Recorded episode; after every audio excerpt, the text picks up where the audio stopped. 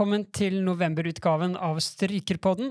Jeg heter Brynjar Lier Skjulerud, og som vanlig har jeg med meg Anders Melhus. Hei, Anders. Hei sann. Ja, står det bra til? Har du fått orden på nakke og skuldre siden sist? Det nærmer seg nå.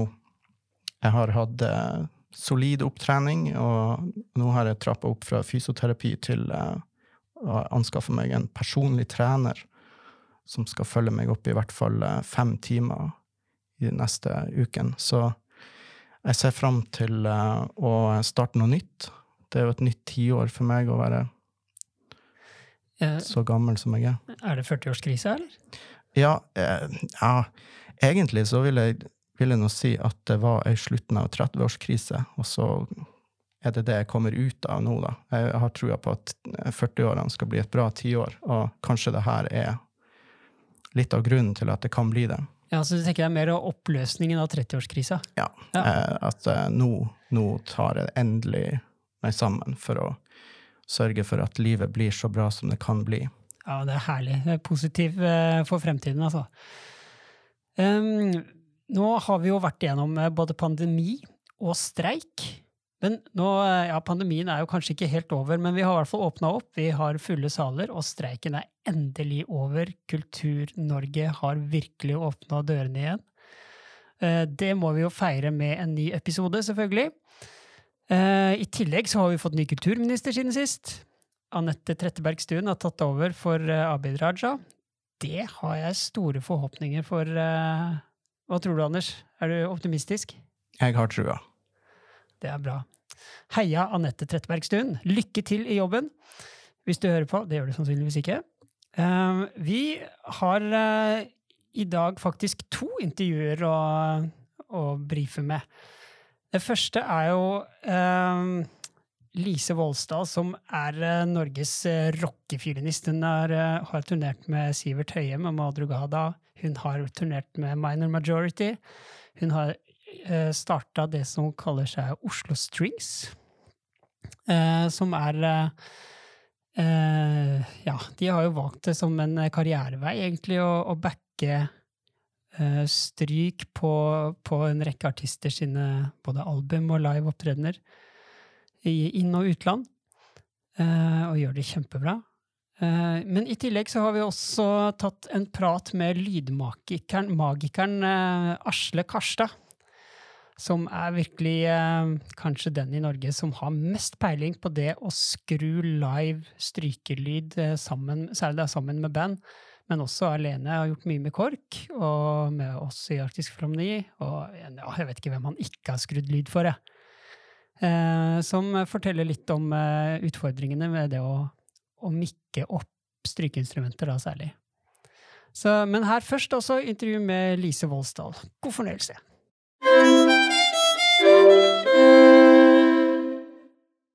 Ja, da sitter jeg på Deichmanske bibliotek eh, i Oslo. Jeg har fått meg en uh, liten friuke og tatt turen ned hit for å møte Lise Voldsdal. Hei, Lise. Hei. Velkommen til Strykerpodden. Takk. Um, du har jeg invitert til denne podden fordi du har valgt å gå en litt annen vei enn mange andre som har studert klassisk musikk. Ja. Um, men kan vi ikke begynne helt tilbake, liksom, når du begynte å spille? Du er fra Kristiansand, ikke sant? Mhm. Uh, Begynte du i musikkskolen der? Begynte på eh, helt vanlig musikkskole og har gått den eh, standard musikkskoleveien som alle, de fleste har gjort. Ja. Og på et eller annet tidspunkt så dro du til Oslo? Ja. Jeg gikk siste år på videregående i Oslo, for jeg var så heldig å få en plass på Manglerud videregående. Det som vel nå er Edvard Munch, tror jeg. Jeg flytta. Ja. Og så eh, eh, Og det var egentlig litt sånn fordi det, det skal vi sikkert komme tilbake til seinere, men for å være i et miljø hvor, eh, hvor jeg kunne liksom bli inspirert. For det var veldig viktig for meg. Ja, Hva var det som inspirerte deg der? Egentlig bare at det var flere som spilte, og flere Jeg vet ikke, jeg, jeg er vel kanskje en sånn type som henger meg litt på andre.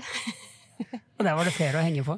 Ja, og så litt sånn når, når alle andre liksom øver masse, og når alle andre gjør det, og så holder på med det samme, så Eller av de jeg var sammen med, da. så, så blir jeg lettere inspirert og kan lettere liksom la meg rive med. Men jeg syns det er vanskelig å liksom motivere meg sånn veldig aleine. Men hva var liksom drømmen, da? Hva var det som Hva var det som var drømmen? Jeg vet ikke. Jeg, jeg tror jeg egentlig aldri har hatt en veldig sånn konkret drøm. Ja, du bare spilte og ville bli god. Ja. Ja. Ja. Uh, og så begynte du jo på Barrat Due der jeg møtte deg. ja. Uh, og, og ganske tidlig så merka jo vi andre at du dreiv med litt andre ting. Enn å øve skalaer og, og spille fiolinkonserter. Ja. Eller det har, jeg, har gjort det, liksom. Jeg har, jeg har øvd skalaer, men det har aldri gitt meg noe Så, så den um, Vet ikke, jeg hadde vel alltid lyst til å leke mer. Um, og, og gikk fort lei av, ehm, av det, det veldig klassiske. Mm. Og, og, og det er sånn Det føles litt rart å si det også, for jeg er jo fryktelig glad i klassisk musikk. Og jeg er jo også fryktelig glad i å spille klassisk musikk. Så, Ja så det er det i det lange løp, da. Det er liksom den Det å, å jobbe i orkester var jo på en måte mål, eller det jeg så for meg da jeg begynte på Barrat Due og sånn, så var det jo liksom ja, Jeg skulle ha en orkesterjobb. Ja, for du gikk jo helt vanlig klassisk bachelor. Ja. Så det var det jeg så for meg, men så kjente jeg at um, jeg var jeg var alltid veldig Jeg syns det alltid var veldig skummelt å spille folk. Jeg var veldig nervøs. Og, og jeg merka at det tok, tok litt for mye av gleden fra meg. Jeg følte det var litt for mange sånn blikk over skuldra. Og, og sånt. Jeg, jeg kjente at jeg hadde lyst til å gjemme meg mer og mer bort i, i hele det eh, Ja, i, i hele studiesituasjonen. Og nå eh, er det veldig viktig at ikke det For jeg hadde fanta noen fantastiske år på Barrat Due. Og når jeg ser tilbake på det, så tenker jeg at det har gitt meg så vilt mye. Og jeg hadde ikke gjort noe annerledes. Så eh, hele veien har vært eh, veldig bra for meg. Eller jeg tenker at, at jeg ville ikke valgt annerledes. Men eh, underveis så kjente jeg at motivasjonen for å få en jobb i orkester, den, den brast litt, på en måte. Og så tenkte jeg liksom Men hva vil jeg da? hva skal jeg da gjøre? Liksom? Jeg, er jo, jeg er jo ikke noen solist. Liksom. Jeg kunne, kunne jo aldri vært liksom, solist med forskjellige orkestre og, og liksom valgt den veien, liksom. Det var, det var, helt, det var sånn. Så jeg, så jeg var litt sånn halvveis. Så kjente jeg at hm, Hva gjør jeg nå?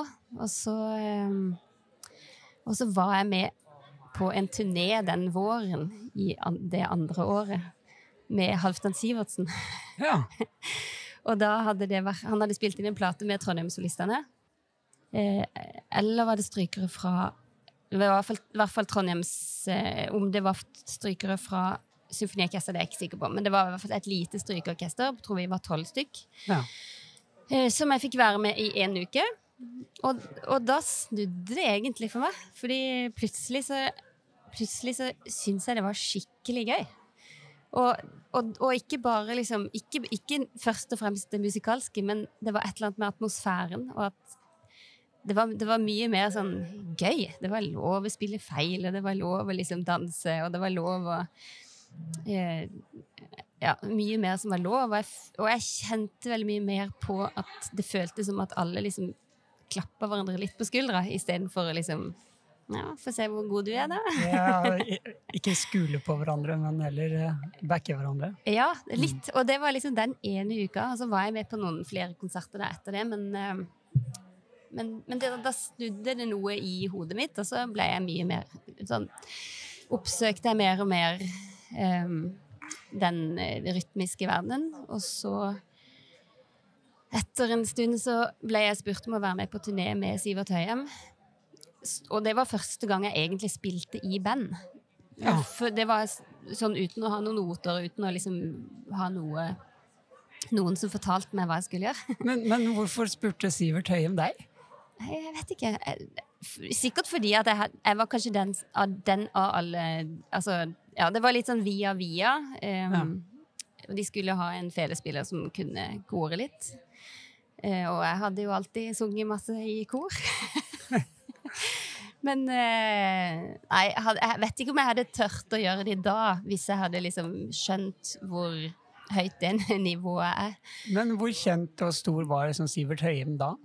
Nei, det var jo etter Madrugada og Industrial Silence, så det Ok. var, han var stor, stor og kjent. Ja. Men, eh, men Men jeg hadde nok Jeg var nok ikke Jeg var jo ikke en, en del av det eh, rockemiljøet, så jeg, jeg hadde ikke liksom Jeg skjønte ikke på en måte Ja, jeg skjønte ikke helt Jeg skjønte nok ikke helt hva jeg gikk til, og jeg har tenkt mange ganger at, at det var at det er litt morsomt at det var liksom første første jeg gjorde. Men eh, det åpna jo masse dører for meg. Ja. Fordi plutselig så var jeg liksom regna med i, i eh, rocke, rockeverdenen. Ja, og da kom andre forespørsler. Ja. Ja. Så, da, eh, så det åpna masse der. Og så Ja, det har jo vært mange morsomme situasjoner fordi jeg Nettopp fordi jeg har liksom vært litt ny i den verdenen. så, så er det ingen som på en måte egentlig har tenkt over at, at det er mange For eksempel når man skal spille konserter, så er det liksom mange låter som jeg, Det er mange ganger jeg har stått på scenen og ikke egentlig har spilt låtene før jeg står på scenen. Fordi de tenker at ja, men den kan jo alle. Ja, Men jeg kan jo ikke alle de låtene. Nei. Fordi du var ny? Jeg var liksom litt ny. Ja. Mm. Men det jo, har jo gjort det igjen at jeg kanskje har blitt litt mer uredd. Ja, så du sto rett og slett der uten noter og skulle bare spille et eller annet på en Ja, låt du ja ikke så man må kjente? bare høre hva, hva skjer i bandet, og hvilke, låter, hvilke akkorder blir spilt. Og så er det jo stort sett alltid i rytmusikk, så- i rytmi- rytmisk musikk så er det jo vers, bro, refreng. Shit, jeg, jeg, ja, det er liksom hatt, de, de tre komponentene som er jeg har hatt noen mareritt noen ganger at jeg har stått foran et orkester og skulle spille en konsert jeg har glemt å øve på. Ja. Det høres litt ut som en sånn situasjon for meg. ja. ja. Men det er litt, jeg tror nok det er litt eh, Jeg tror nok det er litt verre å spille en feelingkonsert uten å ha øvd enn en, en, en, å, å slenge seg litt på en låt. Da. jo da, men du kan si Tsjajkovskij kjenner jo alle. Ja, ja jo. ja da. Ja. Eh, det høres fortsatt veldig veldig skummelt ut for meg. Ja. å skulle stå der og spille en låt jeg ikke kan, foran eh, tusenvis av mennesker. ja. Det er jo det, men samtidig så Hvor galt kan det gå? Eh, altså, i og med at det det er jo Altså, fele er jo et instrument som er veldig melodisk. Så eh, Altså, en pianist eller en gitarist er jo litt avhengig av å liksom kanskje ha akkordene liksom sånn klart og tydelig framfor seg. Mens, eh, mens for meg så kan det liksom alltid vise liksom Eller man hører jo stort sett alltid hvor akkordene går. Og hvis jeg da bommer og, og liksom tar feil, at, at den akkorden jeg trodde det skulle komme, ikke kommer, så klarer man jo alltid å jukse det til.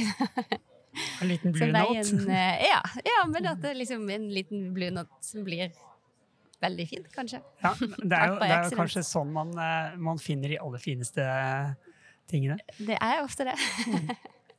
uh, men uh, hvordan var det å komme inn i det miljøet, da? Det var um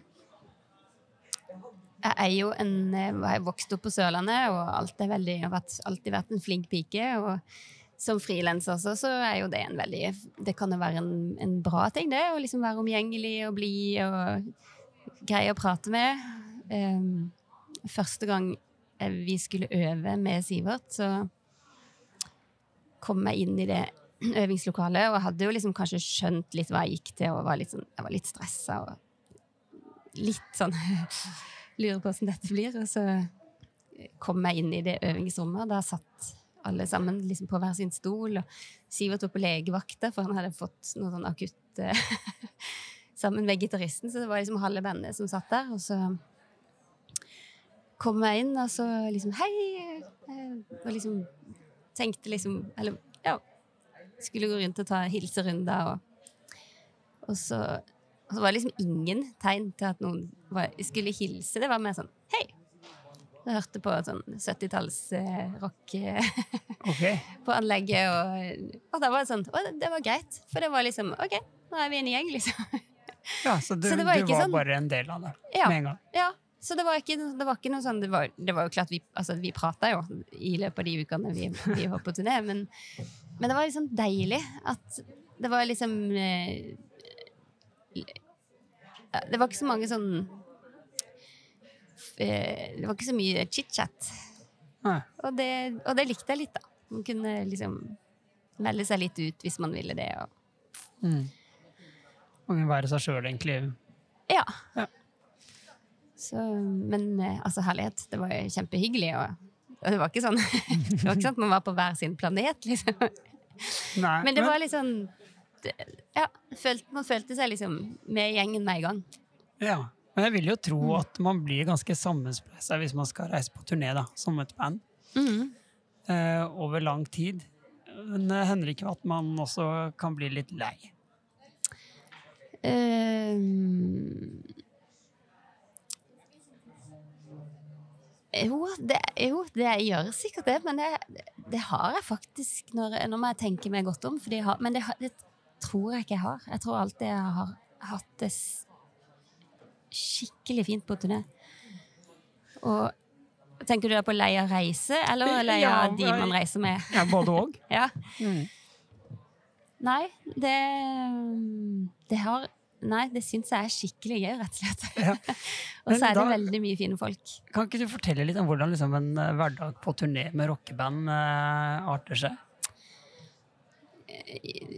Jo kanskje ikke så annerledes enn å være på andre turneer, men uh, vi har reist mye med buss, da. Det er jo kanskje det som er litt annerledes. At man på en måte bor i bussen, og så um, kjører man om nat natta.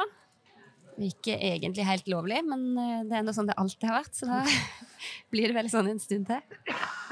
Um, så da reiser vi stort sett på kvelden fra Oslo, og så til et eller annet sted i Europa eller i Norge.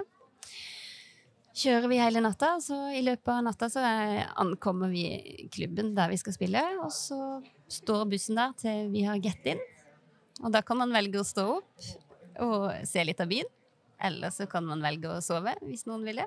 Det vil veldig mange. Ja. Og så eh, eh, Og så er man egentlig på den klubben eh, til konsertstart, start, så pakker man seg ut av klubben, og så, og så reiser vi igjen. Og på selve stedet så er det jo Så eh, lydfolkene, holdt på å si, rigger seg opp litt først, og, og gjør alt klart, og så er det en eh, lydsjekk. Um, og så middag og konsert. Eh, Det er jo som vanlig. Ja. Men lydsjekken er jo på en måte Det er jo det er jo på en måte der et orkester sjekker salen, eller ja. Men Så- da, etter konserten, så er det inn i bussen igjen og kjøre tilbake, eller? Ja, hvis man reiser med buss, så er det stort sett det. Ja. Mm, eller ikke, ja, ikke tilbake til utgangsstedet, så Nei, reiser man men- gjerne videre, da. Ja. Men det er veldig sjelden at det er buss for én konsert. Så det er jo gjerne hvis det er flere konserter, i hvert fall tre-fire stykk. Mm. Så er det, en veldig, det er jo en veldig behagelig måte å reise på hvis man klarer å sove i buss, og det har jeg heldigvis klart fint. Ja. Ja. Men, eh, Hvis man ikke- får sove i buss, så høres det veldig slitsomt ut. Hvis man ikke får sove i buss, så tror jeg det er veldig slitsomt. Ja. Men da er det da senger på bussen. Da er det senger, køyesenger. Det er veldig smalt. Så kun plass til én i hver seng. Det er Ja, men Jeg har jo reist mye med mannen min, og da vi var nyforelska, så, eh, så bodde vi, bodde, vi, vi bodde i én benk, altså. Dere gjorde det? Ja. Det er mulig. Det er mulig. Ja. Møtte, du han eh, på en sånn turné? Ja. Ja, For du er gift med Lars Vålstad, som er lydtekniker, lydmann. Ja. Ja. Eh, og det eh, leder meg egentlig litt inn i neste spørsmål, for når man skal spille sånne livekonserter, så må jo fela mikkes opp. Mm. Og man må ha noe lytting av et eller annet slag. Mm. Og det er mye mikk-mekk. Mm. Um, hvordan sørger du for å få god lyd? Ja. Det er jo en utfordring. Ja. Um, og ehm, vet, jeg vet nå ikke helt om vi har liksom kommet til noen løsning ennå, um, men man må jo rett og slett bare tenke litt annerledes. Fordi eh, Og, og jeg, har, jeg har to forskjellige instrumenter. Et som jeg bruker når jeg spiller akustisk, eller klassisk, og et som jeg bruker når jeg spiller i band. Mm. Eh, Begge instrumentene er akustiske, men det, um, det jeg har, altså Den andre fela mi, som er en femstrengsfele for øvrig, så siden jeg spiller både fiolin og bratsj, så får jeg liksom hele rangen på ett instrument. Så da slipper jeg å bytte masse. Um, og og, og det høres jo litt rart ut når man, hvis man tenker liksom akustiske instrumenter. Fordi den femte strengen på en fiolin det låter jo ikke som en bratsj. Men når det mikkes opp, så gjør det det når det skrus fint. Fordi, mm. fordi man kan få den kroppen på instrumentet gjennom man, Det må uansett gjennom en høyttaler. Ja. Og da er det ikke nødvendigvis det som går eh, Det er ikke nødvendigvis alt man dytter inn i mikrofonen, som kommer ut igjen på andre enden. Nei. Så derfor er det veldig viktig at det man dytter inn, er det viktigste. Og så, eh, og så må det skrus fint. Ja. Eh. Men da var det jo veldig lurt å, å legge seg etter lydmannen, da. Ja. Det var veldig smart. så, så er du sikker på at du alltid får bra lyd. Ja. ja, men det er jo faktisk eh, Han er den, den, som jeg alltid føler meg trygg på at fela låter bra. ja. Ja, jeg, og det er jo veldig Han er jo litt nerdete på, på, det, han også, og i og med at han har meg, så har vi liksom nerda litt på det sammen. Ja. Mm. Det har ikke ført til noen uh, familiære konflikter? Uh. De har vi nok av, men akkurat når det gjelder lyd og musikk, så er det veldig lite konflikter. det var bra. Der fungerer vi veldig bra. uh, men er det noe spesielt man bør passe på? Så man kan, hvis man er ute selv og hører på en måte fra salen at det her låter ikke helt sånn som jeg hadde tenkt. Mm. Er det no, altså, og så har man jo gjerne respekt for, for lydteknikerne som skal skru lyden, og man vet ikke helt hvordan man skal kommunisere med dem, for man har ikke samme mm. språk. Nei. Uh, nei, det er, det er, noen ting som gjentar seg veldig når klassiske um, musikere uh, forholde seg til lyd. Altså når man sitter på scenen, mm. og alle har på DPA, som jo er den mest vanlige, 4099 Ja, Det er de her med den, sånne svanehalser. Det er de svanehalsene, ja. ja. Eh, jeg, jeg, har, jeg, bruker Altså, jeg kan jo først fortelle litt om det, om det eh, mikssystemet jeg har. Ja. Det er det en danske som har lagd. Som har lagd det til Svein Åsmundsen, som var sånn eh, Grappelli-fiolinist. Um, og han um, har bygd et system som Altså det er integrert i fela. Du ødelegger ikke selve fela, men du kan ikke ta det av og på. Så hvis du velger å bruke det systemet, så, så er det på fela. Ja til du velger å montere det av. Men, eh, men du må bytte ut noen deler og, og sånt for å men, men, selve kroppen blir ikke ødelagt, så du kan strengt tatt ta det på hvilket som helst instrument. Men det er ikke nødvendigvis en veldig fordel at instrumentet klinger veldig mye. Nei. Så den, eh, den fela jeg bruker, er liksom helt grei, men den er litt, litt sånn pappeske ja. i. Um, og det heter string amp det, det systemet. Og så i tillegg, fordi eh, når man bruker kontaktmikk, eh, så blir det litt sånn moffete lyd. Litt sånn der, eh, litt kjip lyd. For du får på en måte ikke den direkte, du får ikke noe scratch. Du får, eller du får ikke liksom den tre-lyden. Mister du litt. For det blir jo på en måte en elektrisk lyd. Det er en slags pickup, det der. Det er en pickup, ja. ja. Så i tillegg da, så bruker en DPA, og så blender eh, blender lydmannen de. Ja. Eh, og, eller lydkvinnen, da. Ikke sant. Mm. Eh, og eh, miksen kan variere veldig fra sal til sal, og det kan variere veldig fra, fra eh, musikk til musikk. Men det som er problemet med en DPA, som jo er den mikken som låter best, det er det at den tar opp så veldig, veldig mye av alt som er rundt. Mm. Så i det øyeblikket du eh, fiolinen i seg sjøl ikke har så mye å komme med, ja, hvis det er mye i et rockeband. da, Hvis det er veldig mye lyd. Men det trenger ikke bare være liksom, i et rockeband, det kan også være liksom, i et symfoniorkester. Eller, ikke sant? Er da er utfordringen er at du får med veldig mye annet som ikke skal inn i den mikken. Ja. Eh, og da er det vanskelig for lydmann. Og da er det også Det er det ene. Og det andre er når, når man skal skru lyd på strykere, så, så er lydbildet veldig metta i bass og gitar og piano og liksom alle de andre instrumentene. Mm. Så for at fiolinen skal på en måte få en frekvens som den låter bra, eller, eller som man kom, kommer gjennom, så blir den lyden ofte litt skarp. Ja.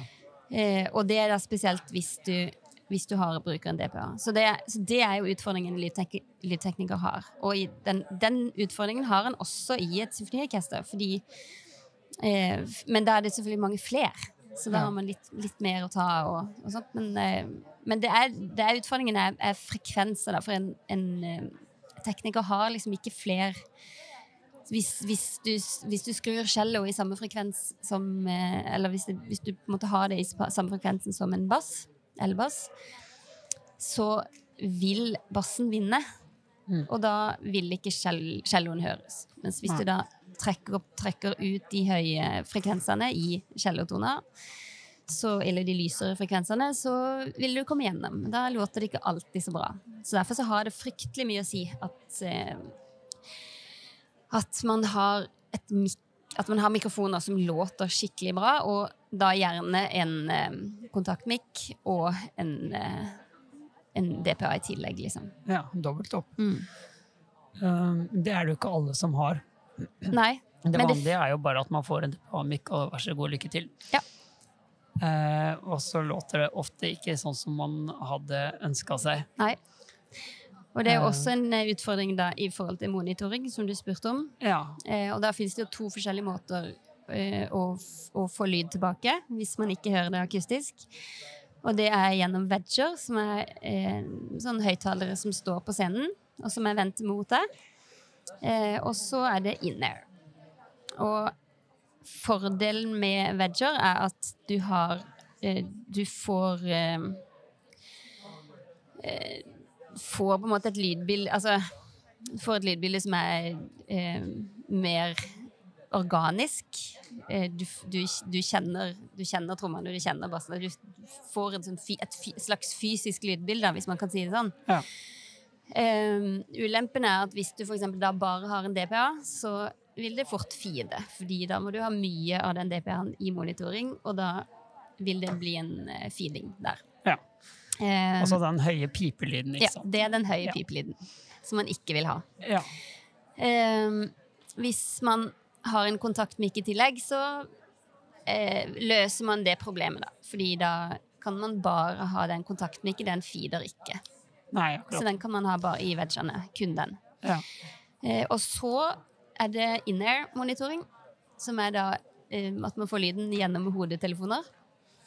Eh, og der finnes det jo forferdelig mange forskjellige løsninger. Du kan ha, eh, altså, ja, du kan ha propper, du kan ha klokker, du kan ha klokker med mikrofon, sånn at du kan få At du får på en måte lyden rundt deg inn Altså en mikrofon Ja. med scenelyden også. ja, en slags motsatt eh, aktiv støydemping. Det blir jo ja, så det blir på en måte en, en mikrofon der ørene dine står. Da. Så det Ja. blir liksom en eh, Ja. Eh, og det Jeg har ikke kommet fram til noen Jeg kan leve med in-air. Jeg liker best wedger når, Ja. Så lenge lydnivået er, ikke er for høyt. Um, fordi da kan jeg også høre meg sjøl akustisk. Ja. Men Så- bruker man kun DPA, så er det kanskje best å bruke in-air. Eller? Ja, det er liksom både òg, da. Det er, det er rett og slett vanskelig. Hvis lyden er veldig høy på scenen, så er det vanskelig uansett. Hvis du har Hvis du bruker DPA og har eh, Nei, jeg vil faktisk ikke si det. fordi når du har um, DPA og monitoring, så vil du jo høre deg sjøl ganske akustisk. Mm. Mye, du, vil, du hører jo mye av lyden akustisk fordi du har øret så nærme. Ja. Mens hvis du For har oss fiolinister og bratsjister, men for cellister er det litt verre, tror jeg. eh, Har jeg, ja. har jeg hørt. Ja, det, det kan nok hende, ja. At, eh, at det, der er det jo en forskjell. Ja. Men, eh, men det som er med DPA, det er jo at den, den fanger opp så mye annet. Ja. Så hvis du, skal, hvis du da skrur opp, hvis du vil ha, høre litt mer av deg sjøl, så eh, vil du også da få mer trommer. Ja. Så eh, Nei, så, men nei, monitoring er generelt Det er vanskelig, og jeg har liksom kommet fram til at eh, der må man egentlig bare finne ut hva, hva kan jeg leve med. Og, og så må man undersøke litt, for det som skjer veldig ofte hvis man hører seg sjøl dårlig, Mm. så spiller man surt. Ja. Og eh, de fleste av oss spiller jo generelt ikke veldig surt. Men hvis man hører seg sjøl dårlig, så eh, hvis, man hører, hvis man har for mye av seg sjøl, så tror jeg at man ofte intonerer veldig høyt. Hvis man har for lite av seg sjøl, så kan man ha en tendens til å intonere veldig lavt. Ja. Så veldig ofte så, så kan jeg ha en formening om eh, jeg spiller.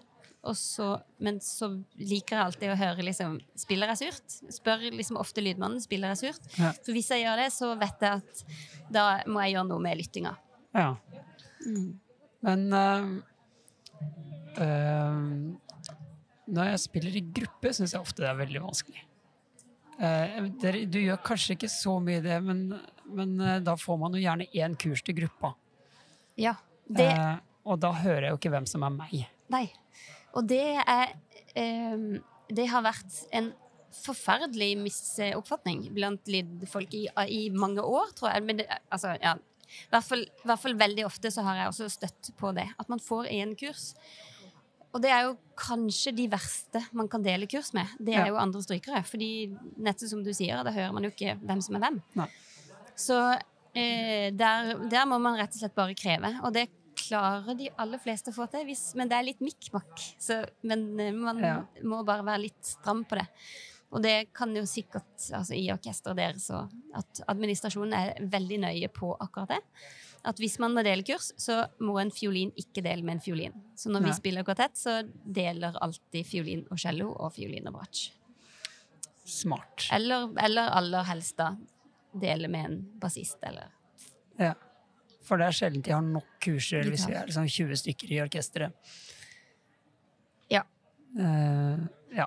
Men, Men da eh, er jo ofte løsningen også å ta ut en propp. Ja, og det er, jeg spiller alltid med én propp. Ja, hører jo men det er jo det er ikke, det er, egentlig så er det ikke bra. Fordi, eh, fordi at man får Man kan få litt sånn hørselsskader, rett og slett. Fordi Ja. man skrur gjerne opp da den andre proppen veldig høyt. Ja. Så eh, Nå gjør jeg det heller ikke så mye, da. Så, men, det, men det krever rett og slett litt trening å, å, eh, eh, bli komfortabel med, eh, med in-air-monitoring. Ja. Så det er lettere, vegger er lettere å, Mm. å få til. Men hvis man da først må bruke in-air, det er jo ikke alltid man kan bestemme det selv. Mm. Uh, er det noen ting som, man, som du mener det må man høre etter? Er, og andre ting som du tenker at det som oftest velger bort? Um, veldig ofte så syns jeg det eh, Altså, det, det instrumentet som gir det tydeligst signal, som da ofte er eh, piano Mm. eh, og, og jeg syns at bass er veldig deilig å ha i monitor. Og så syns jeg også at det er deilig å ha litt sånn high-hat, eller noen sånn tydelige trommeting, liksom. Fordi man kan bli litt forvirra. Altså, det, det høres jo teit ut å si at man vil ha mer trommer, men eh, ofte så kan eh, trommelyd bli litt sånn Hvis den er for langt borte, så mister man litt sånn Man kan miste den direkte eh, ja, tempoet eller lyden. Eh, det skjønner jeg hva du mener. Det har jeg opplevd. At uh, Ja. Man tror man hører trommen uansett, men Ja. man gjør ikke det. Nei, man gjør ikke det. Eh, så det er et godt tips. Ha litt trommer selv om, eh, selv om Mm. de er sterke. Mm. Uh, Og så en annen ting er at det, det her blir jo, at det blir jo Sodoma og Gomorra, da, så det er, jo, det, er jo på en måte, det er jo ingenting som er helt optimalt, men veldig ofte så velger man jo, hvis man er kvartett, da, for eksempel, å høre liksom mye av hverandre, for vi er veldig vant til at vi skal intonere etter hverandre. mm. Um, og da kan man fort Det kan fort bli litt sånn eh, eh, vanskelig å intonere på i den store sammenhengen. Så noen ganger så kan det faktisk lønne seg å bare stole på at hvis man intonerer etter de faste instrumentene, så gjør alle sammen det, og så, og så blir det bra. Men det er jo ikke veldig inspirerende, da. Men uh... Nei, så må kanskje bare velge noe som funker, og ikke forvente et Mm. optimalt lydbilde. Ja. Men når det er sagt, da, så er, det finnes jo utrolig mange flinke teknikere eh, nå. Ja. Og der, det syns jeg faktisk at det har blitt Spesielt på monitoring så syns jeg at det har skjedd veldig mye. Og eh, det er sjeldnere og sjeldnere faktisk møter folk som sier at vi må dele kurs. Så de fleste ja. det virker, som det har blitt eh, tatt tak i fra flere hold. Mm. Mm. Ja. Men jeg har lyst til litt tilbake til det her du snakka om at eh, det var ikke alltid du kjente låtene før du sto og skulle spille for folk. Mm. Um, hvordan eh, Hvis du da vet hvilke låter du skal spille, da, hvordan øver du på det? Um, nei, da tenker jeg at det er to forskjellige ting. Fordi eh, når jeg står på scenen og, og ikke har hørt låtene før, så har det vært mer sånn Jeg blir med på neste låt også, da. Ja, ok. Ja. På scenen. Mm. Og så Ja, men den kan jeg ikke. Jo, bare, bare bli med. og så er jeg så, så da har man jo Da er det jo liksom, da har man jo helt blanke ark. Så da Ja. står jeg gjerne og liksom hører gjennom Gjennom et vers og et refreng. Og så, eh, og så slenger jeg meg med litt sånn forsiktig etter hvert. Og så og de, de store overraskelsene, eh, de kan jo klart komme, men da, som vi snakker om, så kan man jo stort sett redde seg litt inn igjen. Plutselig fikk du en solo. Ja, ja. ja det har skjedd, det også. Men eh, når jeg forbereder meg til nye låter, så, eh, så hører jeg veldig mye på dem. Mm. Og, og er litt eh, der at eh, Altså Jeg kan jo akkorder, og jeg kan lese noter. Men jeg liker veldig godt å ikke ha det. Jeg liker veldig godt å ikke ikke bruke Og ikke være låst til noe med øynene mine. Mm. Så, for da bruker jeg ørene mine bedre. Sånn at for meg så er det ofte den intuitive måten å lære meg en låt på. Ikke pugge liksom akkorder, ikke pugge. Liksom bare, bare høre, høre, høre. For da, da får jeg Da kjenner jeg liksom eh, hva som kommer. Og da spiller jeg mer eh, Da har jeg erfart at jeg spiller mer organisk. Mm. Det blir ikke så matematisk. Så du skriver ikke ned noen ting? Eh, av og til så skriver jeg ned sånn hvis det er noen temaer jeg må huske og sånt, Ja. så kan jeg skrive ned de temaene, og, og, og av og til så kan jeg skrive sånn eh, hvis gangen er litt sånn annerledes. Ja. Ja, hvis, jeg, hvis jeg ikke får liksom, øvd noe særlig gjennom det med, med, de, med bandet og sånt, så passer jeg på at jeg liksom har gangen Mm. eh, At jeg har liksom oversikt over gangen, og, så, og hvis det er noe sånn eh, intro jeg må være med på, eller outro, eller hvis jeg skal kore litt, så skriver jeg kanskje ned litt tekst, eller det ser, Jeg tror det er sånn Jeg tror det er litt sånn kråkt her som er Det er bare meg som skjønner. Men uh, hvor fri er du? Uh, det er kanskje litt forskjellig fra band til band, men uh... Ja. Det er litt forskjellig fra band til band, fordi Ja. det er litt forskjellig hvilken rolle man har. Da. Av og Mm. til så skal man på en måte reprodusere en, noen arr som har blitt gjort før, eller noe, noe sånt. Men som oftest så, så, vil, så er jeg jo veldig fri. Og det er jo det jeg liker veldig godt også, da. Og som gjør at jeg ikke Jeg tror det gjør at jeg ikke blir så redd.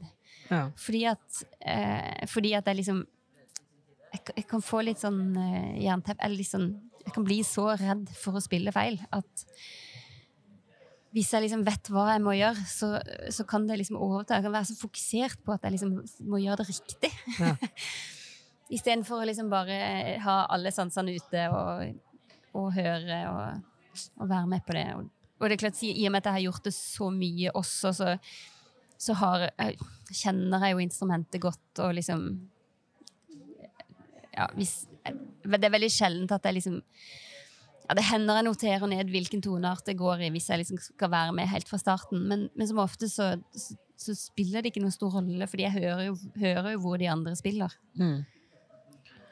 Så du, du skriver aldri ned, ned toneartene, altså sånn uh, akkordene og Nei, akkorder skriver jeg veldig sjelden. Det, og det gjør meg rett og slett med, for jeg må tenke så mye på Altså en eh, 20 eller 13 akkord, eller så, så må jeg tenke så, så mye for å liksom eh, Altså en, en treklang er greit, liksom. Men der også, hvis jeg får beskjed om å ligge på kvinten, så kan jeg liksom bløh, må jeg liksom tenke en kvint fra alle de altså, det, det, det dekker liksom det popper ikke opp automatisk i hodet mitt. da Sikkert fordi at jeg ikke har liksom gjort det siden jeg var bitte lita. Men Mm. eh, Så det er, jeg syns det er lettere å uh, høre. Så, ja. Men uh, når, du, når du kommer liksom på preprod, er det ikke det det heter? Mm.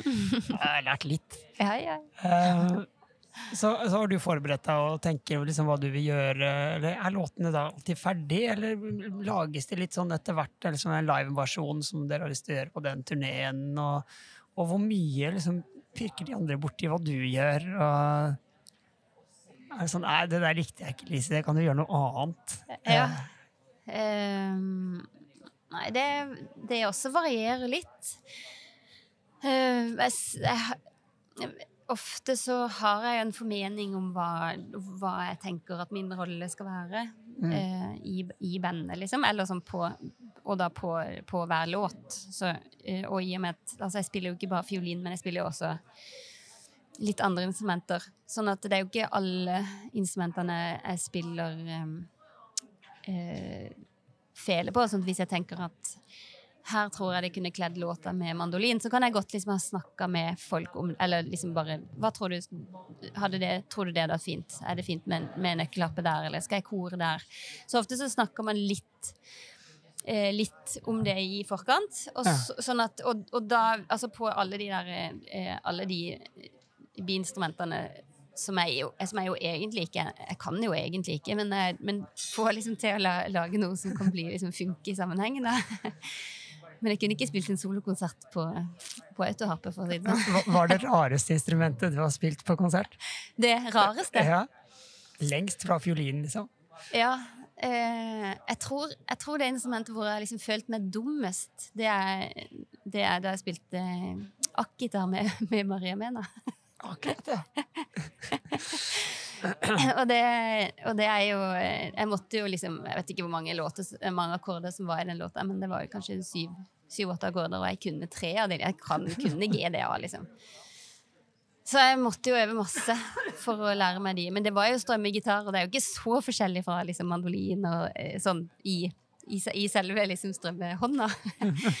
Men, eh, men det, heldige, det som var veldig bra, var at jeg var gravid på den turneen. Så, så gitaren kunne ligge litt sånn flatt, og da kunne jeg se venstrehånda.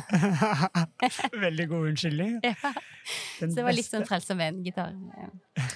Men eh, ja, det, var, det var kanskje der jeg har liksom følt meg mest ukomfortabel. Sånn, eller mest sånn fordi, fordi det er ikke så åpenbart at man ikke kan eller, Men det forventes at når man spiller liksom gitar foran en masse, foran masse mennesker, så skal man kunne det litt. Ja, ja. Liksom. det, er, det er ganske mange som kan å spille gitar. Det er det. Det er veldig Ja. mange som kan spille gitar. Så vi tok en fiolinist, vi.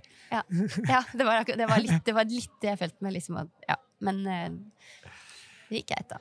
Ja, du, kan du ikke bare, liksom, for, for at vi skal få, få et litt innblikk i hva du egentlig har drevet med, ta noen av, av artistene du har spilt med, sånn ramse opp? Ja, det er jo eh, av, av de som kanskje er mest kjent, så eh, eh, så er det jo da Maria Mena Madrugada, kanskje, Sio Tøyem, som vi har snakka om. Men så har vi jo Med Oslo String så har vi jo gjort veldig mye med Jan Eggum, for eksempel. Og Cezinando har vi eh, vært på turné med. Og, og da jobber vi veldig forskjellig altså fra de, det som vi har snakka om til nå. Litt annen sjanger òg, nå. Litt annen sjanger. Mm. Mm. Og eh, på Langelsgård, Minor Majority. Eh, og eh, Gabrielle. Ja, litt Ja, forskjellig. Veldig mye forskjellig. Så, og veldig mye som eh, Ja, Ja. Og ikke bare rock heller. ikke bare rock. Nei. Absolutt ikke bare rock. Mm. Uh, du nevnte Oslo Strings der. Mhm. uh, det må du fortelle litt om.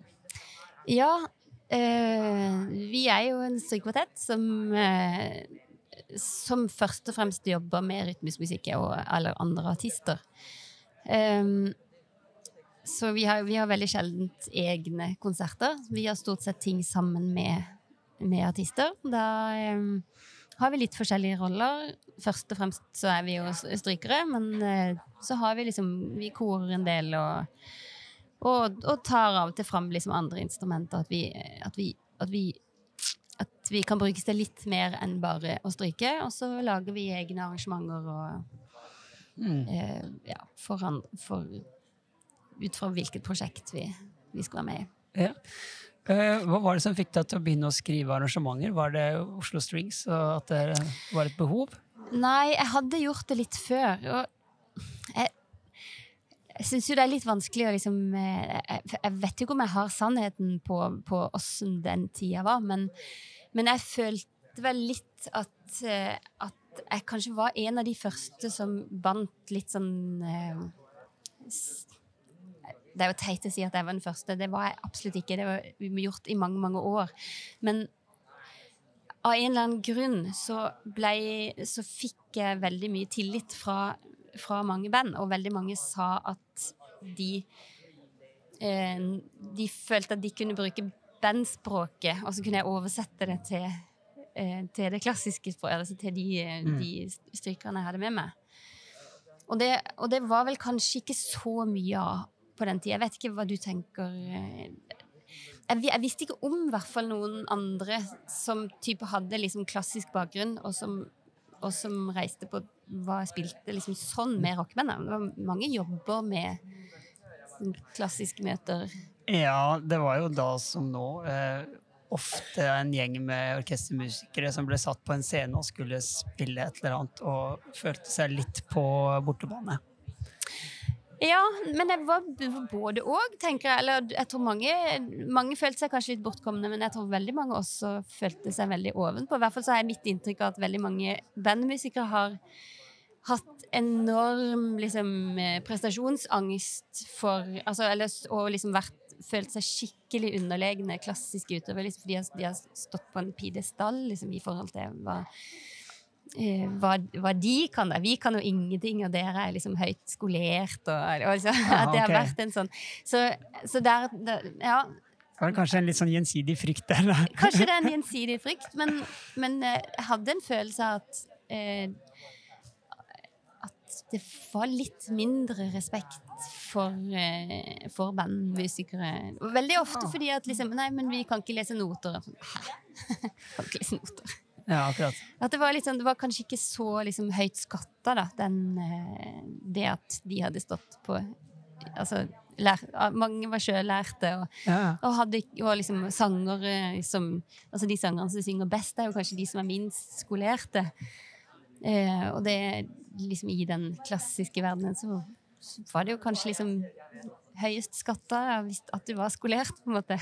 Og hadde Mm. liksom riktig teknikk, liksom. Men eh, Nei, jeg er usikker, men jeg, men, men jeg var liksom med Altså, de jeg spilte med at, Begynte med at jeg Ja, jeg begynte vel med Sivert, og så begynte jeg å spille med Vidar Wang, og så gjennom Vidar Wang så eh, eh, kom jeg også i kontakt med Paul Angelsgaard og Mind Majority. Og så, eh, og så var jeg i studio og, og gjorde ting alene. Og så var det sånn Å, men her er det vel fint med, med, stryk, med kvartett. Liksom. Kan du skrive gitar? Og så bare Å, OK. Det kan jeg sikkert. Så da gjorde du bare det. Ja, så gjorde jeg bare det. Og, så, og det er vel kanskje det som har gjort at det har liksom gått bra hele tida også. At jeg har liksom vært litt uredd, kanskje. Mm. Du var ikke redd for å få parallelle kvinter eller oktav-paralleller? Eller. Jo, jeg var veldig redd for det. Det var det, ja. Ja, men så var jeg også så hadde liksom følt at intuisjonen min eh, fortalte meg at det er ikke så farlig. Det er ikke så farlig. Men første, alle, jeg husker det aller første arret som jeg skrev, det var på juleplata til Pål Flåta. Um, og da ehm, Da hadde en sånn hadde en helt sånn helt klar formening om åssen jeg ville at det skulle låte. Og at det skulle være litt sånn jazzy og, og vakkert og nydelig og tett, tett akkorder og sånt. Og så satte jeg meg ned og skulle skrive det i Sibelius, og så blir det bare matematisk og firkanta og helt pyton, liksom. Så det jeg endte opp med å gjøre Det var før jeg hadde begynt å, gjøre, gjøre, å ta opp ting hjemme sjøl, men da, da, da satt jeg og da gråt jeg en hel dag, og så kom Lars bort med sånn OK, Lise, men nå løser vi dette. Hva, hva kan vi gjøre for noe? Kan du, kan du bare spille? Kan du ikke bare spille det, det du, som du vil det skal være? Og så gjorde jeg det. Så det ble ikke en kvartett, det ble fem stemmer, fordi jeg, det, det måtte bli det for, for, liksom, for, for at det skulle bli Da skrev jeg bare ned det jeg hadde spilt. Ja.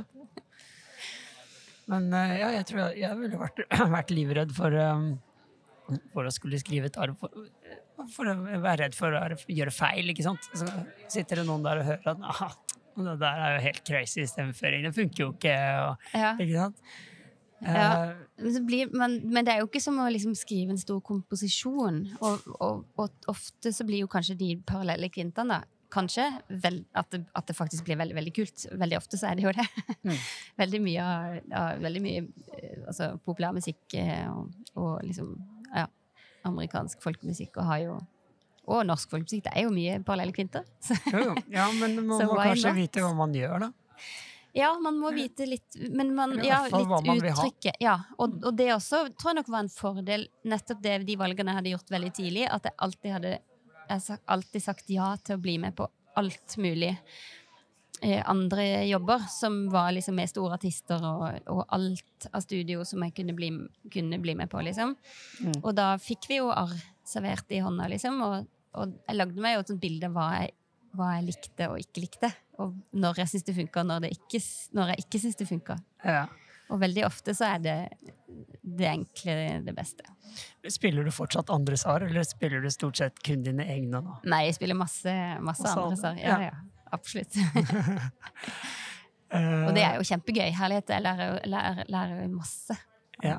Men var det egentlig nyttig for deg å ha altså man, man lærte jo litt sånn enkel eh, hvert fall stemmeføring og sånt noe på bare Baratue Mm, av uh, Olve Borger. uh, mm. eh, at han eh, eh, Ja, han eh, gikk jo bort her for noen år siden, Ja, dessverre. Men eh, fantastiske Olve. Ja. Ja. Men kunne du bruke noe av den teorien eh, som du fikk gjennom den klassiske utdannelsen, eller var det helt bortkasta egentlig i den sammenheng? Eh, nei, jeg tror ehm, Jeg tror jeg På, på videregående så brukte vi jo hindet mitt Ja. Mm. før lærer.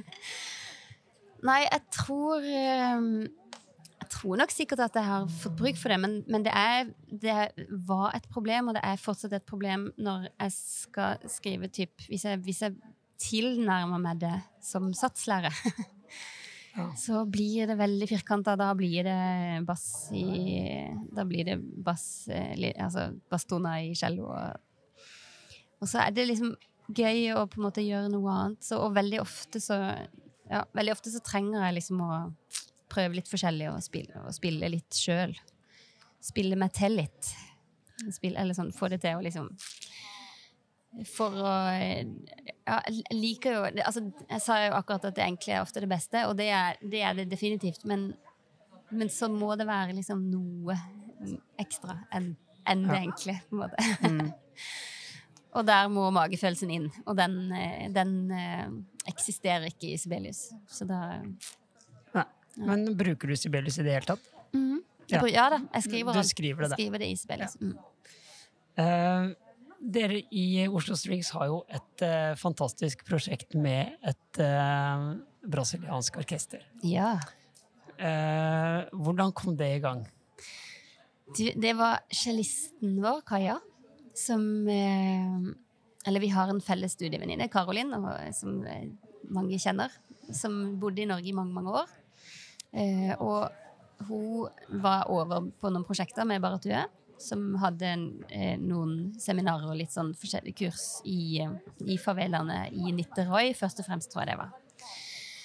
Eh, og der møtte hun Tiago, som hun ble sammen med, og de fikk barn etter hvert, og en lykkelig historie. Men eh, Kaja, som da var litt sånn Å, hva skal jeg finne på? Hun ble liksom overtalt av Karolin til å komme til Rio. kom, kom her! Bli, gå, vær sammen med oss. Så hun flytta ned for et halvt år, og så eh, og da hadde Caroline Thiago drømt lenge om å starte et orkester hvor de kunne hente ut barn som har vokst opp i faveler og kanskje ikke hatt kjempemange muligheter. Hente de ut og la de spille sammen med hverandre, altså med fra forskjellige farveler, og også fra med, med de typ rike barna. Altså rett og slett blande folk fra forskjellige samfunnslag og forskjellige deler av Rio, eh, som jo er en veldig klassedelt by. Ja. Eh, og så starta de det sammen da, mens Kaja bodde der, og så ble det en kjempesuksess. Og så har Caroline og Thiago fortsatt det orkesteret etter at Kaja eh, flytta tilbake. Men Kaja har jo reist dit ja, i hvert fall en gang i året, og de siste sju Seks Ja, siden Nei, vi har jo vært der i hvert fall fem-seks eh, ganger med Oslo Strings. Så vi har liksom Mm. adoptert eh, Adoptert det orkesteret. Så vi, er, vi reiser over, så har vi seminar med de og spiller konserter og Ja. jobber med de der. Og så har vi fått de til Norge to ganger nå. Ja, de var til og med i Tromsø. De var til og med i Tromsø Ja, ja, ja. og var gjorde braksuksess, har jeg skjent. Jeg fikk ikke vært med til Tromsø. Absolutt, det var kjempesuksess. Ja. Og så må jeg jo si at uh, Karolin og Tiago bodde jo faktisk et Jeg tror det var et Ja. år i Tromsø. Mm. Og, og Tiago var min elev. Ja. Uh, kjempehyggelig fyr. Ja. Og flink og talentfull. Og Karolin vikarierte en del hos oss. Og, og veldig fine folk. ja. Uh, Fantastiske folk. Og skikkelig ildsjeler. Ja. Og jeg ser jo på det orkesteret, eh, Kamerata Laranjeiras, Mm. Den spillegleden de Mm. uttrykker, skal du leke, lete veldig lenge etter og finne i et profesjonelt orkester. Ja. Det er Og helt der- fantastisk. Jeg tror jeg nøkkelordet er trygghet. Ja. Og det, og, der, og, og det er jo kanskje litt det vi snakka om i stad også, at eh, Eller som vi snakka om innledningsvis, eh, med min, mitt møte med bandverdenen. Mm. Eh, fordi det som skjer i det orkesteret, det er at alle klapper hverandre på skuldra. Det er rom for alle. Det er rom for de som er dritgode, og det er rom for de som er dritdårlige. Og alle har en stemme. Alle har lov å reise hånda si eh, hvis det er noe de har på hjertet. Og det kan komme kjempeviktig og inspirerende gullkorn fra eh, den som kanskje har spilt fiolin i et halvt år, liksom. Og Ja. nesten bare spiller på løse strenger. Ja. Og der tenker jeg at eh, egentlig alle mennesker har mye å lære, men eh, kanskje spesielt liksom eh, symfoniorkesteret, siden dette handler om musikk, da. Ja. Men eh, orkesteret og sånn, alle samspill i studieinstitusjoner, og fordi at sammen så blir man så utrolig mye sterkere. Og den, den tryggheten de har seg imellom, tror jeg gjør at de eh, At de vokser veldig, både som mennesker, men også som musikere. Mm. Så de, når vi spiller Altså, det nivået på det orkesteret er tusenvis høyere enn hver enkelt hver enkelt uh, musiker. Og det er det ikke alltid skjer. Nei. Fordi at veldig ofte så sitter det eh, orkestermusikere som er på et usedvanlig høyt nivå, men ikke klarer å lytte, ikke klarer å spille sammen med, med resten. Mm. Og så eh, det jeg opplever aller mest med de når jeg har sett dem både live og på, på video, Mm. er jo den vanvittige spillegleden. Mm. Og hvordan det smitter på publikum. Uansett hvordan det låter, så har de jo en formidlingsglede som er jo helt enorm. Mm. Og hadde vi bare kunnet få det inn i de norske orkestrene, hadde, Ja. å, det hadde vært fantastisk. Ja. Og alle bare ga litt mer F, og ga jernet hver gang. Ja, og så er de bare ikke redde. De er liksom, hver gang vi presenterer noe som vi tenker liksom Får vi til dette? Og så så bare Yes, dette får vi til. Og, så, eh, og hvis vi liksom ber de om å synge, så gjør de det. Og hvis vi ber de om å danse, så gjør de det. Og det er liksom helt på Altså, ja. Ja, For Det- meg så virker det som man må nesten tvinge dem til å la være å danse av og til. Ja, det skjer, det også. Det var mye dansing. Ja, det er ikke alltid det. det vi, vi gjorde en konsert i Oslo Konserthus, som for øvrig ligger ute på NRK, um, på hovedscenen. Og, da, og det er klart med veldig mye dansing, så det går eh, Det er ikke alltid helt forenlig med mikrofonstativer og Ja, det, det er forresten en annen ting jeg, som jeg jeg sliter med med DPA-mikker. Ja. Jeg puster i dem. Ja. Særlig jeg skal, hvis jeg sitter konsertmester og skal snu meg til gruppa mi. mm. øh, ja. Ja. Men du kan uh, Har du noen tips? Ja, det har jeg. Takk. eh, fordi det fins to måter å, Eller de mikkene står Altså, de låter aller finest hvis de står sånn er Hvor mye er det? Ti centimeter? Cirka Sju? Sju og en halv? Sju og en halv fra, fra lyd-F-hullene. Mm. Um, men når du spiller Hvis du har og da vil du jo kanskje få litt pusting, da. Men det, du klart, du kan, hvis, du, hvis du på en måte får vinkla mikrofonen sånn at du ikke liksom pust, Altså at pusten din ikke går rett inn, Mm. så vil, det bli, vil du minimere eh, eh, risikoen for det. Men hvis, du, hvis det er mye lyd rundt deg, så set, må, du, må du sette mikrofonen mye tettere. Og da eh, kan du vri den sånn at den står vekk fra deg. Ja. Altså at, den, at du rett og slett vrir slangehalsen sånn at den går At mikrofonen står med baksida mot ansiktet ditt. ja. Og da vil den ikke ta opp Nei, eh, Og det, det har vært forska på det. Asle Karstad har gjort masse, Ja. masse research på det, på Ja, det med mikrofonplassering. Ja, han, han har klaga på meg flere ganger. Ja. men, men akkurat det, hvis du, hvis du er veldig plaga der, så kan du snu mikken litt sånn at den ikke liksom At den ikke står eh, vendt mot deg, men at, du, at den liksom vender andre veien. Ja, Og det Det skal jeg huske på. trenger ikke å ha kjempemye å si for lyden. Eller, ja, det, er ikke alt, det er ikke nødvendigvis at det er en eh, Nei, men, men det kan ha ganske mye å si hvordan man plasserer de der eh, Ja, kjempemye å si, men det, er ikke, men det er ikke nødvendigvis en Ikke ulempe akkurat. at den står den veien. Nei, det mente. Så det, men, men gjerne flytt litt på den eh, der også, og hør hvor det låter best. Ja. For det kan jo være forskjellig fra instrument til instrument også. mm. Bra. Hva er de kommende prosjektene nå? Nei, nå eh, holder jeg på å eh, spille inn litt stryk på Kristine Sandtorv sin CD. Så det, holder, det, er det jeg gjør denne uka. Eh, og så er det jo eh, litt sånn juleting etter hvert. Eh, og så eh, så Det er jo november-desember er jo jule. Ja, Skal du på juleturné? Ja, men Ja. i år så faktisk altså, Jeg har liksom vært eh, med Kristel Alsos eh, Ja. på juleturné med Kristel Alsos i mange mange år. Og Pål Flåta. Det har liksom vært de to som, som alltid krasjer, og så må man liksom få det til å gå opp på et vis, da. Ja. Men i år så blir det eh, Kristel Alsos har baby, så hun skal bare gjøre Kurt Nilsen.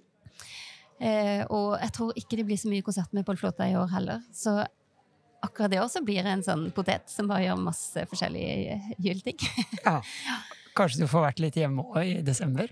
Kanskje. Jeg, jeg var jo litt sånn eh, Gleder meg jo litt til det sånn i koronaen. Og var sånn, Å, ingen konserter, det blir kjempehyggelig. Da kan jeg være med på alle juleavslutninger. Og sånt. Men så var det jo ingen juleavslutninger. Nei. Jeg får ikke det heller. nei. Men, ja, og så neste år så det, blir det nok en del med Madrugada igjen, for da blir det ny skive der. Ah, spennende. Det blir gøy. Ja, Ja. jeg gleder meg. Mm. For Lykke til med det, og tusen takk for at du stilte opp i Strykerpodden.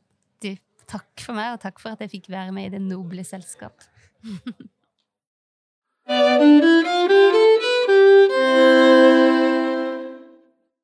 Ja, det var en særdeles hyggelig prat med Lise der på Deichman. Uh, har du tatt deg noen notater, Anders? Ja, Aller først så syns jeg det er interessant at det går an til å finne sin nisje. At eh, i studietida, når man driver med klassisk musikk, også oppdager at det går an å gjøre andre ting enn å spille klassisk musikk på strykeinstrument. Og eh, det er litt interessant òg at det er mer enn bare musikken som, som kan ha betydning. Det sosiale og um, at man får en annen opplevelse av å spille musikk der, der det ikke er fokus på å spille riktig, eller spille at man blir skula på hvis man spiller feil. Jeg håper i hvert fall at man har uh, hatt ei utvikling i det klassiske miljøet, at, eh, at det er lov å spille feil. Det er kanskje viktig at det oppfordres til å spille feil. Ja, jeg tror i hvert fall at eh, man ikke har fokuset der. At man skal liksom gå så være redd for å spille feil. eh, Det er en veldig hemmende tilstand å være i. At man alltid må ha liksom fokus på hva man skal formidle, da. Framfor eh, at man ikke skal gjøre feil. Men jeg tror nok vi har mye å lære der også i utdannelsesløpet vårt. For det fokuserer seg Altså, når man øver, så jeg syns jo at man er altfor opptatt av å finne hva som ikke var bra. Hva, hva, hva var dårligst her? Og så skal man rette på det, liksom. I stedet for at man skal prøve å hele tida finne ting som kan heve kanskje det beste. Det, man, og det var skikkelig bra. Hvordan kan det bli enda bedre? Da, det er jo da man hever nivået sitt. Lise og jeg ble sittende der på Deichman en stund. Det var så hyggelig å prate at vi fortsatte å prate, og kom inn på noen andre liksom spennende ting også. Hun bruker jo ikke noter. Altså, hun lager seg arrangementer når hun spiller aleine, da. Lager seg jo liksom et type arrangement, men hun skriver ikke ned et arrangement. Det er ikke sånn 'jeg skal spille det og det og det og det'.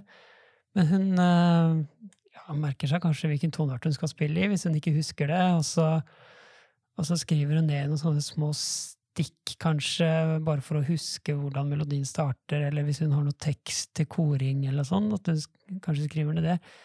Men bortsett fra det, så fant hun at det var frigjørende å ikke ha de notene der. Uh, og i motsetning til når, når man spiller uh, kanskje en Bach sonat eller sånn utenat, og man kanskje blir veldig opptatt av å ikke, sant, ikke spille feil. Man skal huske hvilke noter som kommer, og hvilke repetisjoner som er og ikke er, og hvor man er i eh, strukturen og alt sånt noe, så var hun da mer opptatt av at uh, hun skulle ikke skrive ned, og heller la seg inspirere av øyeblikket, og gjøre det som faller seg naturlig der og da. Mm. Uh, framfor å liksom hele tida vende blikket innover for å prøve å huske. Og Lise snakka jo om det, at, at man hører ofte hvor akkordene går hen. Og eh, sånn sett så, så, er det egentlig bare å bruke ørene. Hun sendte meg et par eksempler på, på sine såkalte arr, da, som hun ikke har skrevet ned, men skrevet noen stikkord. Så det eh, ligger på Facebook-sida vår, så hvis noen er interessert i å se noen av Lise sine håndskrevne kråketær til arr, så kan dere gå inn på Facebook-siden eh, til Strykerpodden og se. Eh, legger det ut der. Eh, men hun sa altså at i eh, Oslo Strings så har de eh, gått bort ifra å skrive strøk. For det er også en ting som hun følte var litt sånn ja, for det første unødvendig å bruke tid på, for det andre litt sånn hemmende. At man skal liksom fokusere på det, eller ta bort alt det som tar fokus fra de viktige tingene. Da. Og det syns jeg også er en veldig bra innstilling. Og et eksempel til etterfølelse. Um, selv om det kanskje kan uh, være litt vanskelig i et orkester, så jeg tror det er verdt å prøve. Hun sa også sånn i en bisetning ja, forresten, jeg prøvde jo å bruke elfele i starten der. Det har jeg bare gått helt bort ifra. Hun, uh, ja, hun bruker ikke elfela. Det gir en helt annen sound, en helt annen uh, Det er liksom noe, noe helt annet. Eh, heller bruk eh, tid på å finne en god lyd med oppmikking av den vanlige fela. Og det var vi en del inne på i intervjuet.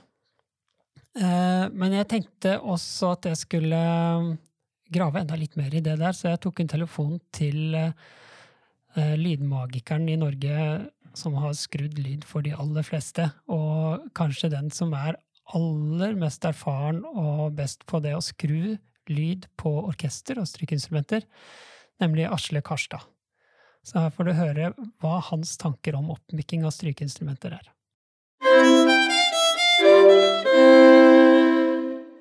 Ja, da har jeg fått tak i eh, Asle Karstad. Han eh, er jo lydmann og en av Norges desidert beste, spør du meg. Eh, og han har vært så hyggelig og grei og si seg villig til å svare på noen spørsmål Uh, hjertelig velkommen til Strykerpodden, Asle. Jo, hyggelig. Hyggelig å bli ringt. Ja.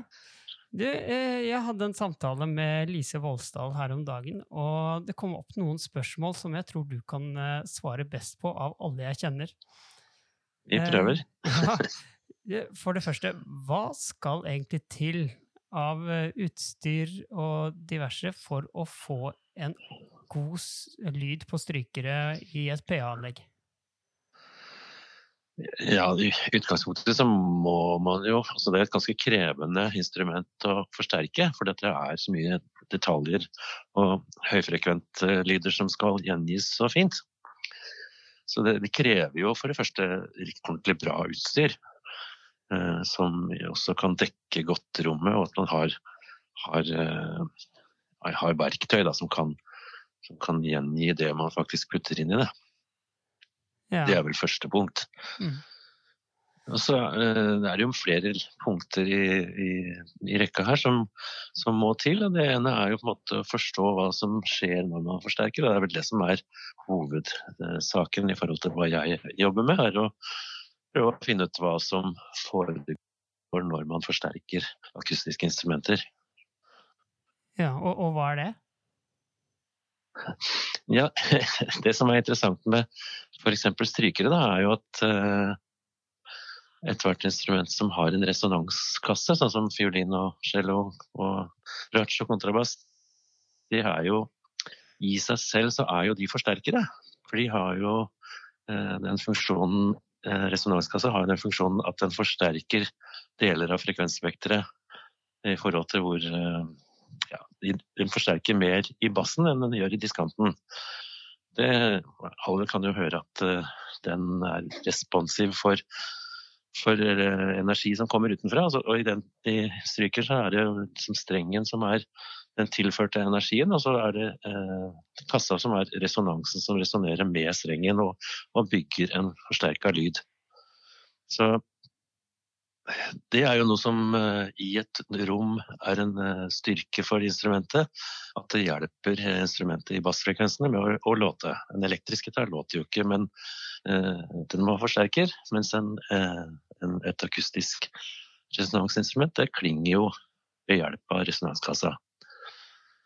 I en opptakssituasjon da, så vil det jo være bare å fange det, mens i en forsterkningssituasjon så skal du jo hente den lyden og forsterke det på nytt. Uh, og det vil jo ikke på, gå upåakta igjen for instrumentet heller, for da vil, da vil instrumentet sjøl plukke opp den lyden som er forsterka, og begynne å forsterke den igjen. Så da får vi en slags dobbeltforsterkning. Ja, nesten en slags feedback. Og det skjer ikke når man driver og tar opp. Ja, det blir jo en tilbakeføring av energi til mm. instrumentet, mm. en slags feedback. Mm. Da uh, kommer det inn i bildet at uh, den forsterkninga ikke er lineær. Den er jo bygd for å bygge opp mer lyd i bassområdet, pluss at den har en egen resonans. Og som da blir forsterka mer. Og så bygger man opp en sånn boomy lyd som til slutt sier bare boom. og det blir en slags eh, overstyring av instrumentet i seg sjøl ganger mange. Ja. Så det er jo faktisk utfordringa med å forsterke et instrument som sjøl er forsterker. Ja, og hvordan, eh, hvordan løser man det? Eh, det er jo eh, Man må liksom forstå hva instrumentet gjør, da. Og det har jeg gjort ved å forske på hva, hva disse resonanskassene holder på med. Og det er jo ganske, ganske typisk for hver instrumentgruppe at de er ganske like. De er bygd over samme ideal.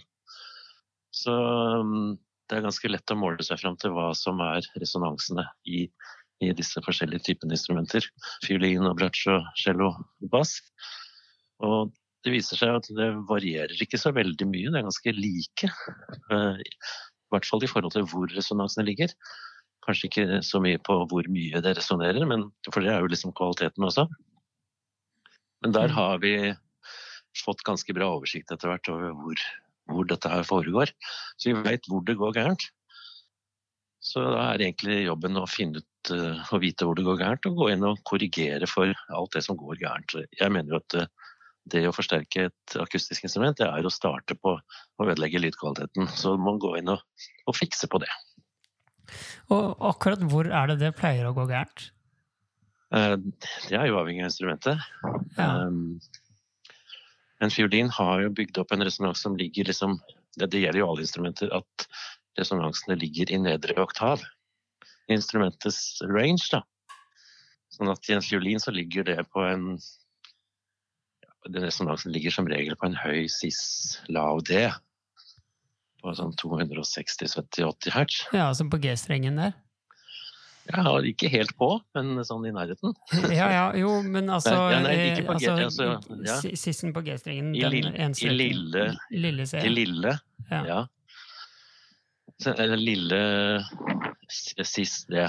På en måte. Høye sis, ja. Ja, ja. Så der uh, vil jo kanskje de fleste fiolinister i hvert fall kjenne igjen at det er noe som foregår. Og Det kan være både Wolf og det kan være stor tone samtidig, altså lufttonen. Og den vil jo som regel stikke av i forhold til de andre når du begynner å forsterke. Og der får man fortest en feed også når man begynner å forsterke med monitoring og, og sånne ting.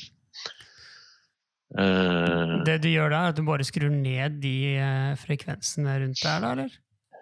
jeg går inn veldig sånn kirurgisk der, da, så plukker jeg avhengig av hvor mye jeg skal forsterke, så må jeg redusere tilsvarende, på en måte. Ja. Det er litt flere ting, da, men det er liksom hovedpunktet. ja. Og, og bratsj og cello har tilsvarende, men, eh, men på et annet sted? Men lavere, ja, lavere ned, da. For hver for størrelsen, når størrelsen går opp, så går frekvensen ned.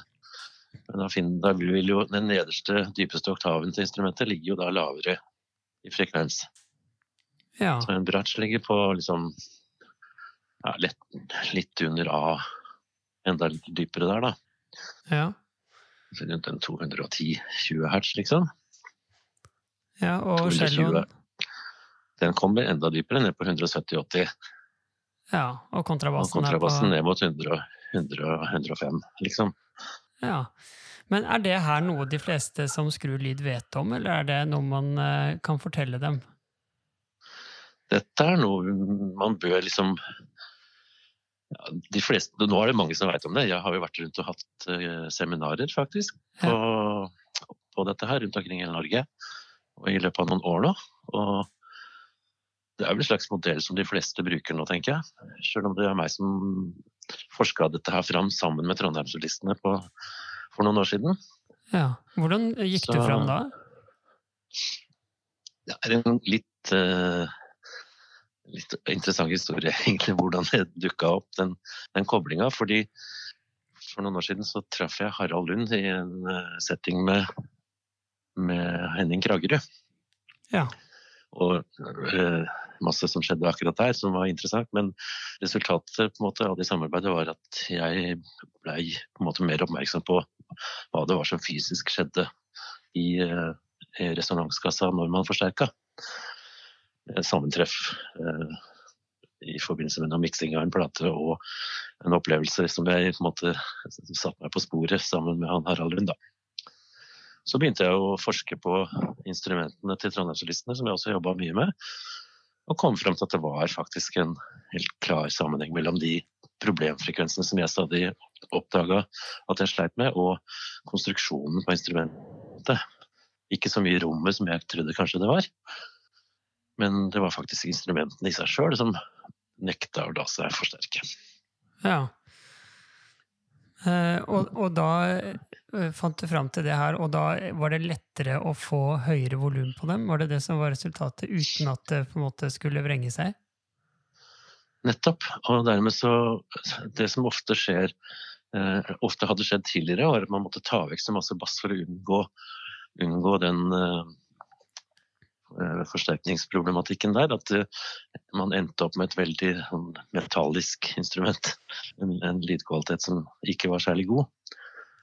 I Ja. noen tilfeller så kutta man vekk hele grunntoneområdet til, til instrumentet, og satt igjen bare med overtoner.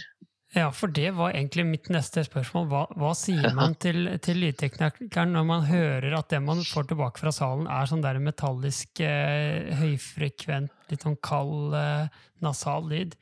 Men det er altså Ta bort de frekvensene der, og så kan du kjøre på med mer i bassen eh, etterpå? Nei, det er ikke det at du kjører på med mer i bassen, det er det at du tåler å forsterke mer.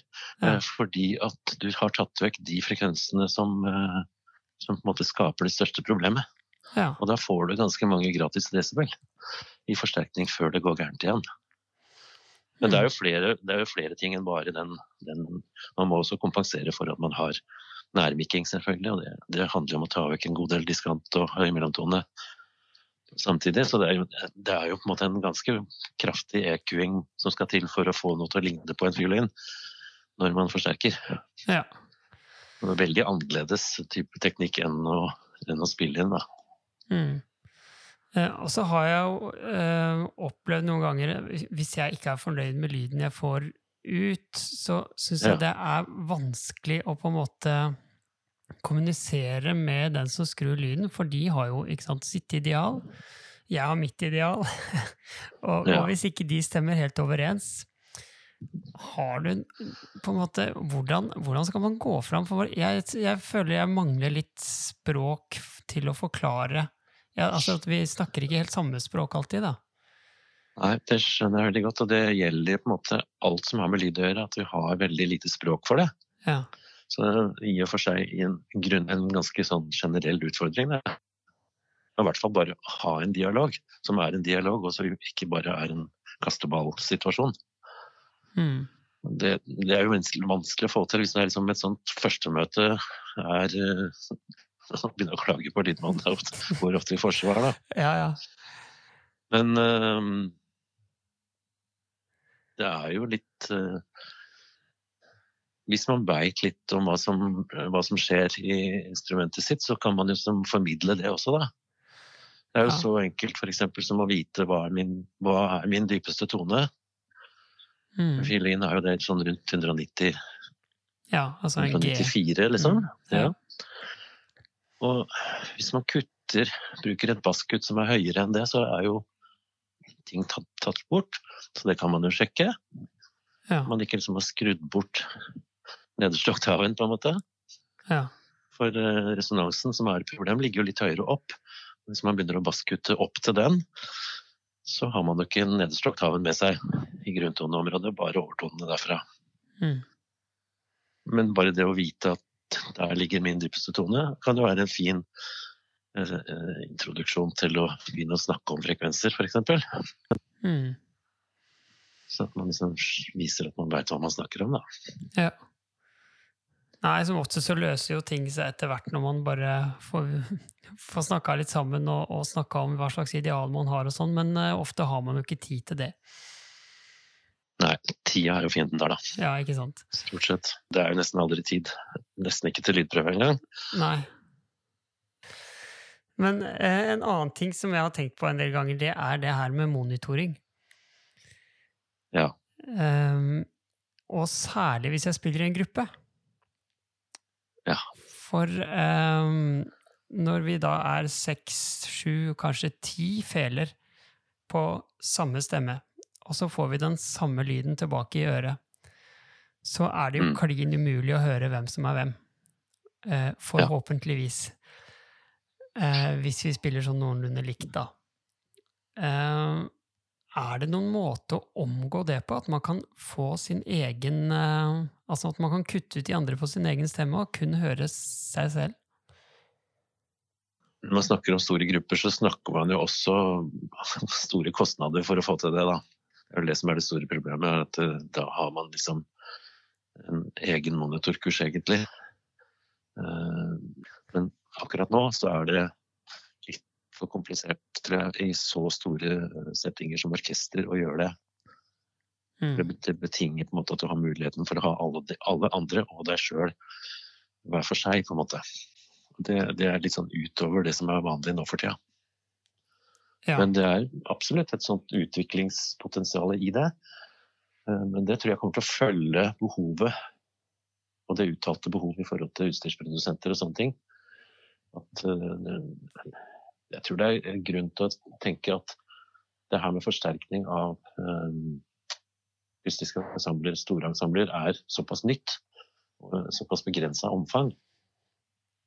Men at det er veldig på økende altså på stigende front. Da. Sånn at det kan godt hende at det sånne behov blir uttalt og tydeliggjort i, i mange sammenhenger etter hvert. Ja. Men jeg forstår veldig godt hva du snakker om. Ja, Men vil det være ut, mulig å utvikle eksempel, ja, for en sånn liten boks man hadde til hver enkelt, som returnerer egen lyd? Det ville være mulig, men det krever ganske mye. Jeg vil jo, vil jo tro at at det, vil kanskje da være en full miks pluss deg sjøl, på en måte. Ja. I, den, I, den, pakka du er ute etter. Ja. Um, men um, Altså, jeg tror absolutt det er mulig. Eh, jeg tror det er litt tid igjen før vi er der på orkesternivå. Ja, skjønner. Men det handler om, det handler om behovet, tror jeg. Det er behovet, er behovet stort, så, så, blir ting lagd. Eh, men det tar jo litt tid. Vi begynner å mase. Vi begynner å mase. Ja, dette må vi ha. jeg tror det er der det kommer fra. Altså at, at samtidigheten i hele verden er litt sånn lik. Ja. Det er flere samtidig, men jeg tror Norge er kanskje langt framme her. Ja, Så, og vi er små, så at vi styrer ikke markedet. Nei. Det skal jo utvikles og lages, og det skal være økonomi til det. sant? Ja. Ja, ja. Nei, men vi får, eh, vi får si fra om behovet, og så får vi vente i spenning. Ja, jeg tror det er, nei, det er måten å gjøre det på. Ja. Et aller siste spørsmål. Ehm, hva slags mikrofoner anbefaler du til strykere? Ja, det er jo helt avhengig av, eh, av bruksområdet, tenker jeg. Det er jo ikke så veldig mange som lager mikrofoner til, til strykeinstrumenter, eller som er tilpassa det. Og så må vi jo være helt klare på å skille mellom opptak og forsterkning. Ja. Det som er situasjonen i opptaksverdenen, er jo at du vil være litt ute i rommet der hvor instrumentet blander seg med rommet, og på en måte får sitt fulle potensial. Der vil du ta opp et strykeinstrument. Det funker ikke live. Da har du ikke noe annet å ta opp enn enn eh, høyttalerne, nesten, som igjen formidler lyden. Og da er det jo bare et feedback-prosjekt. Eh, Så du må nært. altså Forutsetningen for å kunne forsterke et instrument er at du går nært og får masse lyd inn i mikken. Altså i forhold mellom, forholdet mellom lyden inni mikken og lyden i høyttaleren må være liksom ekstremt annerledes enn eh, opptak. Ja. ja Så da er det bare noen få produsenter. Ja. Ikke sant? Det er bare noen få produsenter som lager det. Det er liksom DPA og det er Audioteknika som lager type sånn svanehalsmikker. Og Ja. DPA lager også disse myggene som, som ble brukt mye mer før. Eh, De skiller seg jo vesentlig fra hverandre fordi at den lille myggen er, den er omni, eller sånn rundstråleopptakene. Den tar opp liksom i alle retninger. Mens den svanehalsmykken er en kardioidemykk, eller en retningsvirkende mikrofon. Mm. Så den er også mer følsom for hvor du peker enn på instrumentet, da, i forhold til hva slags lyd den plukker opp. ja. Så den, de krever jo litt mer sånn lik plassering for å låte ensemble likt, da. Mm. Mens eh, den, de små myggene er litt mer tilgivende. Mens uh, igjen, skal du ha mye annen type lyd rundt deg, som band og sånne ting, så, så er det liksom ikke noe valg. Da må du på den svanehalsmikken som er retningsorientert for å få unna lyd som kommer fra sider og andre steder. ja. Og, og hvordan, eh, hvordan eh, er den beste plasseringen av den? I og med at du er så nær, da, så tenker jeg at det er ganske viktig å ikke peke på noe som låter veldig, veldig nært. Eh, Jeg prøver å unngå å peke på strengene, i hvert fall. Mm. Og også forsøke å, å unngå å peke rett ned i F-hølet, for da får du også ekstremt mye resonans. Men uh, har liksom etter hvert havna på en sånn type uniformering av mikkplassering, fordi at Kringkastingsorkesteret har jo utvikla liksom, har sin helt faste metode, eh, som er helt OK, syns jeg. Jeg hadde en annen måte å gjøre det på tidligere, men den, eh, det er såpass mange da, som nå bruker den måten til KORK at uh, jeg har også valgt å liksom standardisere meg på den for å ikke forvirre de musikerne som befinner seg både i KORK og i andre frilanssammenhenger samtidig. Så får vi kanskje litt sånn felles uttrykk på det. Ja. Det, det er liksom en slags fingerbredd fra stolen pekende rett ned mot lokket på bassida. ja. Så venstre side av fiolin og bratsj, eh, men Ja. pekende mot lokket på fiolinen. Ja, så liksom midt mellom F-hølet og stolen, på en måte. Ja. Der har vi havna. Også på høyde med strengene, på en måte. da. Ja, Eller så, litt høyere. ja, men ganske nært ned, da. Ja, da får du ganske mye, mye lyd inn i systemet, og det er fordel. Ja. Det som er vanskeligheten med det, er at du får såpass mye diskant. Fordi du er så nært. Du klarer ikke liksom Det er jo 10-15 meter unna instrumentet der begynner det å låte skikkelig bra. Mm. Eh, det må du simulere ved hjelp av bruk av EQ, da. ja. Så det er ganske mye skruing. Ja, Det er det. Mm. Det ser, det ser ganske vilt ut, det vi gjør på EQ. Ja. Eh, Et problem som, eh, som du har klaga på meg en del på opp igjennom, er jo at jeg puster i Nå vet jeg hva som kommer. Ja, ja. Ja. Jeg er jo ferdig til å snu meg til gruppa og puste rett inn i mikken. Ja. Men uh, fins det noen måte å, eh, unngå det på, eller må jeg bare skjerpe meg? Det der er tricky spørsmål, altså, for det Du må jo kunne spille, men det er også noe med at det å spille med mic krever jo også kanskje en egen teknikk. Men det er jo verst for de som er på en måte gruppeledere og skal snu seg litt rundt omkring og har litt mye ansats på nesa. Ja. Så, men eh, det er ikke så veldig mange måter å gjøre det på, annet enn å forsøke plassering, altså. Der hvor det er veldig vanskelig med plassering, så kan man liksom prøve å Det er jo noen som har begynt å feste mikkene på andre sida, altså på, på halssida. Jeg har sett altså, f.eks. danske strykekvartett oh, ja. gjorde det. Eller det var, kanskje ikke var det de? Jo, jeg tror det var dem.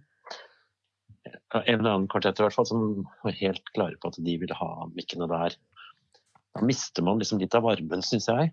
Vi får litt mer lyd fra, fra um, omgivelsene. Men um, det kan være en løsning hvis det er veldig pusteproblematisk. Det er som regel én eller to i hvert orkester som har den problematikken. ja. Men det, det, det kan være liksom smart å, å skaffe seg litt oversikt over hvem det er. Og så, ja. Du vet jo om meg. Jeg veit om deg, men det er flere Ja. i ditt, i ditt orkester også. Ja. Um, ja, men det er jo noe man kan teste ut, kanskje, da. Å sette mikrofonen altså lenger ned mot halsen. Ja, så sette den på halssida, ja. Mm. Og bare sjekke åssen lyden blir der.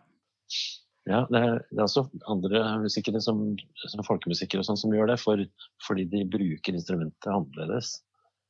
Ja. Og impro- impromusikere og sånn også, som gjør mye andre ting med instrumentet, er ofte også er lett for å havne liksom på andre sida der. Mm. Men det er jo noe jeg skal teste ut. Det, det kan du gjøre. for det er rett og slett en, en mulighet for de som ikke klarer å komme unna neseblåsen. Men det er som sagt, altså, gruppeledere eller altså førstefele konsertmester er jo liksom mest utsatt. Ja. Det skal være såpass mye visuelle tegn. Da treffer du gjerne mikken på en helt annen måte. Mm. Ja, men det er glimrende. Du, det, det var de spørsmålene jeg hadde. Tusen, tusen takk for at du stilte opp. Eh, og så håper hyggelig. jeg vi ses eh, i jobbsammenheng en gang eh, snart. Jeg tror ikke det er så lenge til, faktisk.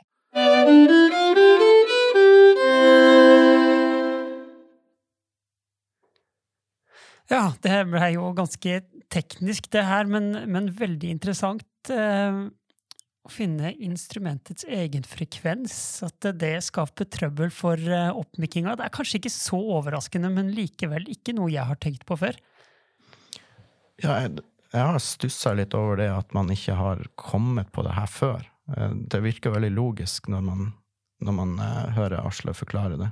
Når du skal forsterke et instrument som allerede er forsterka, så er det jo naturlig at den egenfrekvensen blir det største problemet. Mm. Og så er det jo litt uh, å, prøve å begrense hva annen lyd enn det instrumentet man skal mikke opp, da. Av det som eh, kommer inn i den mikken. Ja, utrolig mye man må uh, ha i hodet da, når man skal uh, skru live-lyd, i forhold til når du er i studio for eksempel, og, og spille inn ett og ett instrument separert. Sånn sett så kan det jo være lurt å, å uh, sette en uh, basskutter på, på fiolina, for eksempel, at, at, eh, at om du sitter nært celloen, for eksempel, at, at, at det ikke kommer så tydelig inn, da. Ja. Jeg vet ikke. Um, Ja, og så er det jo det å komme nært innpå deg, Altså bruke, hvis det er en del lyd på scenen, at man bruker eh, mikker som kommer nært innpå og tar opp minst mulig annet enn den lyden en skal ta inn. Ja, trommesett og cymbaler og alt mulig. Det er utrolig mye som, som kommer inn i den felemikken, egentlig. Ja. Ja, så det, det var eh, interessant å høre. Altså kanskje det gir noen, eh, noen hva skal man si, noen verktøy hvis man kommer borti en, en situasjon der man uh, syns lyden høres uh, fæl ut, uh, at man kan gi noen velmente råd til de som skrur. Mm. Man skal selvfølgelig være litt forsiktig, for som ofte så veit de jo hva de holder på med, og gjør sitt beste. Men det, det, er alltid interessant med ethvert instrument i forhold til um, hvordan klang Altså Man hører at det er en fiolin, liksom. Og hvis man eh, skrur på EQ, så kan man få det til å låte som en trom trompet om man vil. Uh, og med en gang man mikker opp et instrument sånn, som er, vanligvis er akustisk, så, så har du jo ødelagt lyden. Ja. Og det er jo det Arsle sier, at du må prøve å rette den opp så, så mye som det går. Uh, og det, det, er komplekst. Ja, Og så handler det jo liksom om hva slags ideal man har, da, hvordan man vil at et strikkeinstrument skal høres ut. Absolutt. Men jeg, jeg tror man, selv om man har forskjell, vilt forskjellige yrker som, som uh, lydtekniker og, og musiker, da, så er, vi, så er man jo man vil det samme, og en lydtekniker vil jo i like stor grad være en musiker, ut ifra Ja. at man må forme den lyden eh, til å låte musikalsk. Jo da, men jeg har vært borti lydfolk som, eh, hvor jeg har sagt at jeg kan, ikke få, kan jeg ikke få litt varmere klang? Liksom? Eh, Jeg, jeg har øvd i, i 30 år nå på å prøve å få varm og rund klang. Eh, ja, ja, men det her er jo sånn der eh, popstryk, så den skal være litt sånn skarp i toppen og sånn. At vi bare har helt forskjellig ideal, da. Mm.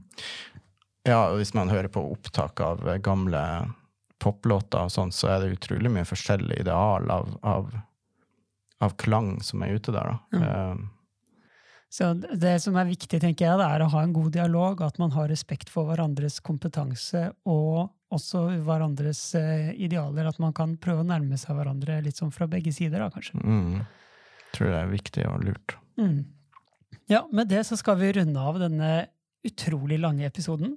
Eh, takk for at du har fulgt med så langt, og så høres vi igjen om en måneds tid. Ha det bra så lenge.